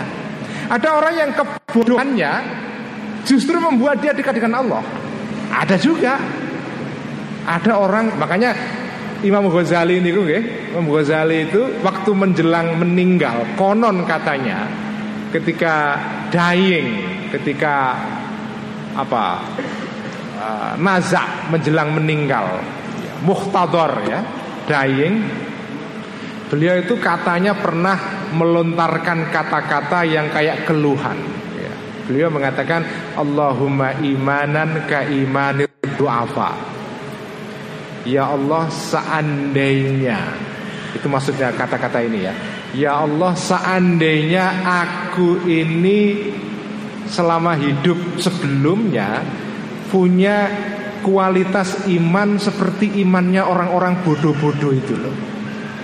Kadang-kadang orang-orang awam itu itu imannya kepada Allah itu justru jauh lebih mendalam daripada imannya anak-anak Fakultas Usuluddin IAIN yang belajar teologi baca kitab-kitab teologi yang wah daki-daki itu, itu malah imannya kalah dengan orang-orang awam itu. Nah, Imam Ghazali itu kan ahli kalam, ahli teologi, profesor teologi, muridnya Imam Haromen Al Juwaini, ahli teologi juga. Tapi ketika meninggal agak sedikit menyesal itu. Ya Allah seandainya aku Beriman seperti orang-orang awam itu. Imannya tulus, tidak macem-macem Tidak daki-daki Gak usah pakai argumentasi yang Macem-macem. Iman, just iman. Iman begitu saja. Rasanya lebih tenang. Itu kata Al-Ghazali ketika menjelang meninggal ya. Jadi ada orang-orang yang Karena kebod karena bodoh Dia justru tulus kepada Allah. Tapi ada orang yang pintar Justru malah ngakali Allah. Ada juga. Jadi Tasawuf itu sebetulnya adalah semacam cara kita memodulasi sikap kita sebagai manusia Supaya kita nggak salah modulasi Modulasi itu apa sih? Kayak radio itu apa? Sekarang udah nggak ada lagi Dulu zaman radio transistor itu kalau nyari apa? Gelombang Namanya fine tuning Ya kan? Gelombang kerasa kerasa kerasa kerasa nggak Diputar-putar-putar sampai tek nggak nyampe Begitu tak ah itu. Itu sinyalnya kena. Nah tasawuf itu modulasi. Jenengan memodulasi sikap hidup kamu Supaya pas sesuai dengan Kehendak Allah. Dan masing-masing orang itu gelombangnya beda. Ada orang yang Jalan tasawufnya ngodok Kayak tadi Bishr al-Hafi ada yang jalan tasawufnya jadi orang kaya. Ada yang jalan tasawufnya makan enak Seperti tadi itu Ibrahim bin Adham. Laisa fit'ami israfun. Ada yang jalan tasawufnya Jalan rohaninya itu Mungkin lewat dosen. Ada yang jalan rohaninya menjadi wartawan. Ada yang jalan rohaninya menjadi seorang pedagang. Ada yang jalan rohaninya menjadi politisi di DPR Caleg terpilih jadi anggota DPR Memperjuangkan RUU yang benar di parlemen. Jadi pada dasarnya semua jalan hidup yang kita jalani itu itu potensial menjadi jalan rohani. Asal sikap kita benar. Bagaimana supaya bersikap benar? Belajar tasawuf. Makanya saya katakan tasawuf itu ilmu yang diperlukan oleh siapa saja dengan profesi apa saja. Tidak pilih kasih. Besar, kecil, miskin, kaya, semua butuh tasawuf. Karena kalau jenengan itu gini, ada orang itu yang misalnya begini, ada dalam hal penyakit misalnya, ada jenis, ada dua jenis orang yang sakit. Pertama orang yang sakit, tapi karena sikapnya benar, dia sakit hanya sekali saja. Yaitu misalnya saya sakit dapat cobaan dari Allah, saya terima. Ini mungkin bagian dari Allah untuk mengajar saya. Nah, itu sakit jenengan cuma satu. Tapi kalau jenengan dapat sakit dari Allah, wis kena loro malah maidu Gusti Allah, mengumpat-ngumpat Tuhan, menyalahkan kiri kanan, itu dengan sakit dua kali. Sakit jasmani dan sakit mental. Itu malah kapiran semua itu. Jadi tasa jenengan ketika bertasawuf itu ketika kena sakit sakitnya cuma satu. Tapi kalau jenengan tidak bertasawuf sakitnya dua Jenengan menjadi orang kaya dengan tasawuf Itu akan membuat kekayaan jenengan tidak menjadi cobaan Jenengan pinter dengan tasawuf tidak menjadi cobaan bagi kamu kepintaranmu itu Jadi ilmu tasawuf itu ilmu yang dibutuhkan siapa saja Dan biasanya nggih, Ada yang pernah nonton film apa Spider-Man? Ada? Spider-Man.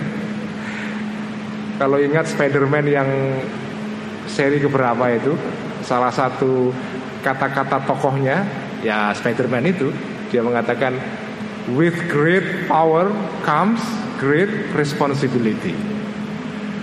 Ketika jenengan tambah kekuasaan jenengan, tambah besar tanggung jawab jenengan. Tambah pinter, tambah berat tanggung jawabnya. Tambah kaya, tambah berat tanggung jawabnya. Tambah soleh, tambah berat tanggung jawabnya. Tambah wali, tambah berat tanggung jawabnya. Jadi jangan dikira kalau sudah menjadi orang pinter lalu selesai masalahnya. Menjadi orang soleh selesai masalahnya. Enggak.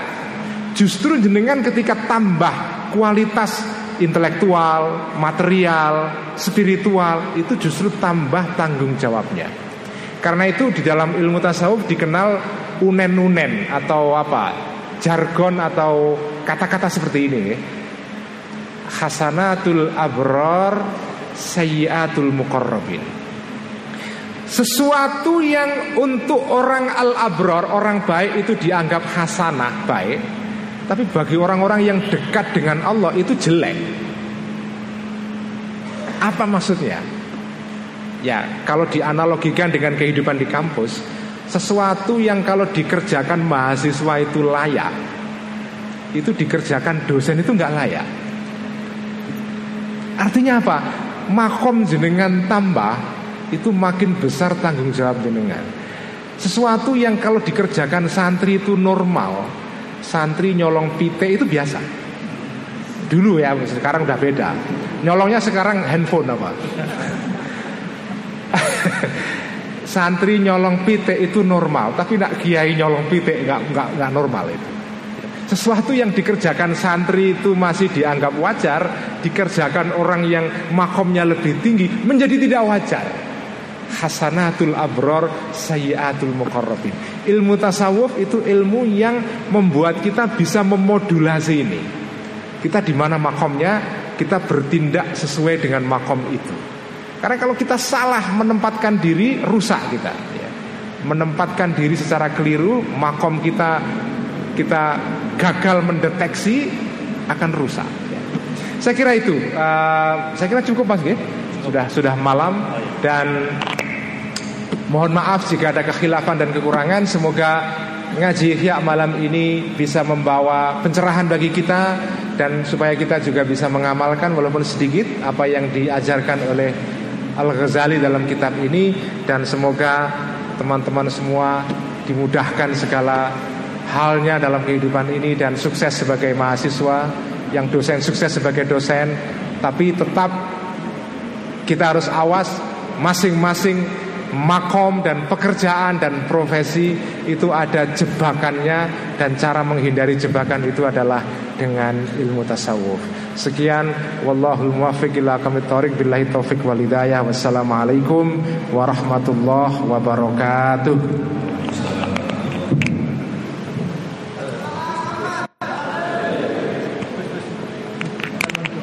Demikian untuk diskusi kali ini dan saya tidak perlu untuk memberikan kesimpulan karena ini waktu sudah malam sekaligus panitia minta doanya Gus. Sebelumnya kita kasih aplaus untuk Gus Ulil Absar Abdal. Monggo sekaligus doa.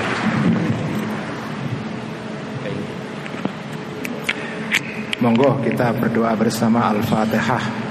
أعوذ بالله من الشيطان الرجيم. بسم الله الرحمن الرحيم. الحمد لله رب العالمين. الرحمن الرحيم. مالك يوم الدين. إياك نعبد وإياك نستعين. اهدنا الصراط المستقيم. صراط الذين أنعمت عليهم غير المغضوب عليهم ولا الضالين. آمين. بسم الله الرحمن الرحيم. الحمد لله رب العالمين. حمدا يوافي نعمه ويكافي مزيده. يا ربنا لك الحمد كما ينبغي لجلال وجهك الكريم وعظيم سلطانك. اللهم صل وسلم على سيدنا محمد الفاتح لما أغلق والخاتم لما سبق ناصر الحق بالحق والهادي إلى صراطك المستقيم وعلى آله وصحبه حق قدر مقداره العظيم. اللهم صل على سيدنا محمد طب القلوب ودوائها وعافية الأبدان وشفائها ونور الأبصار وضيائها وعلى آله وصحبه وسلم. اللهم صل وسلم على سيدنا محمد صلاة وسلاما تنجينا بهما من جميع الأهوال والآفات. وتقضي لنا بهما جميع الحاجات وتطهرنا بهما من جميع السيئات وترفعنا بهما عندك على الدرجات وتبلغنا بهما أقصى الغايات من جميع الخيرات في الحياة وبعد الممات. اللهم ربنا ظلمنا أنفسنا وإن لم تغفر لنا وترحمنا لنكونن من الخاسرين فاغفر لنا وارحمنا يا رحمن يا رحيم.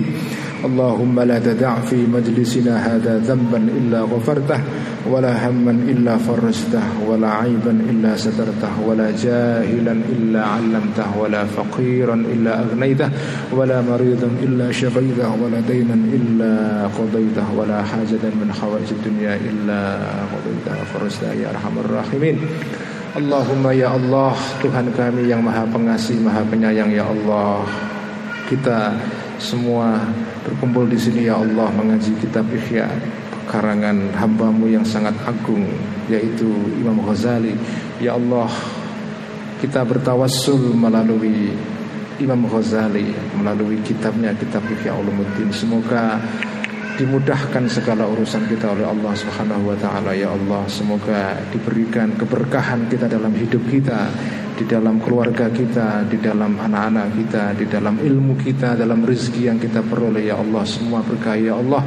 Ya Allah turunkanlah keberkahan kepada negeri ini ya Allah. Keberkahan kepada pemimpin-pemimpin kami ya Allah. Keberkahan kepada keluarga kami kepada rezeki kami kepada institusi kami ini ya Allah berilah kemudahan semuanya ya Allah. Rabbana hablana min azwajina wa dhurriyyatina qurrata a'yuni waj'alna lil muttaqina imama. Rabbana atina fid dunya hasanatan wa fil akhirati hasanatan wa qina adzaban nar Rabbi ikhtim lana bi khatimati sa'adati ajma'in. Sallallahu ala sayyidina Muhammad wa ala alihi wa sahbihi ajma'in. Subhana rabbika rabbil izzati amma yasifun wa salamun ala al mursalin. Walhamdulillahi rabbil alamin. Fatihah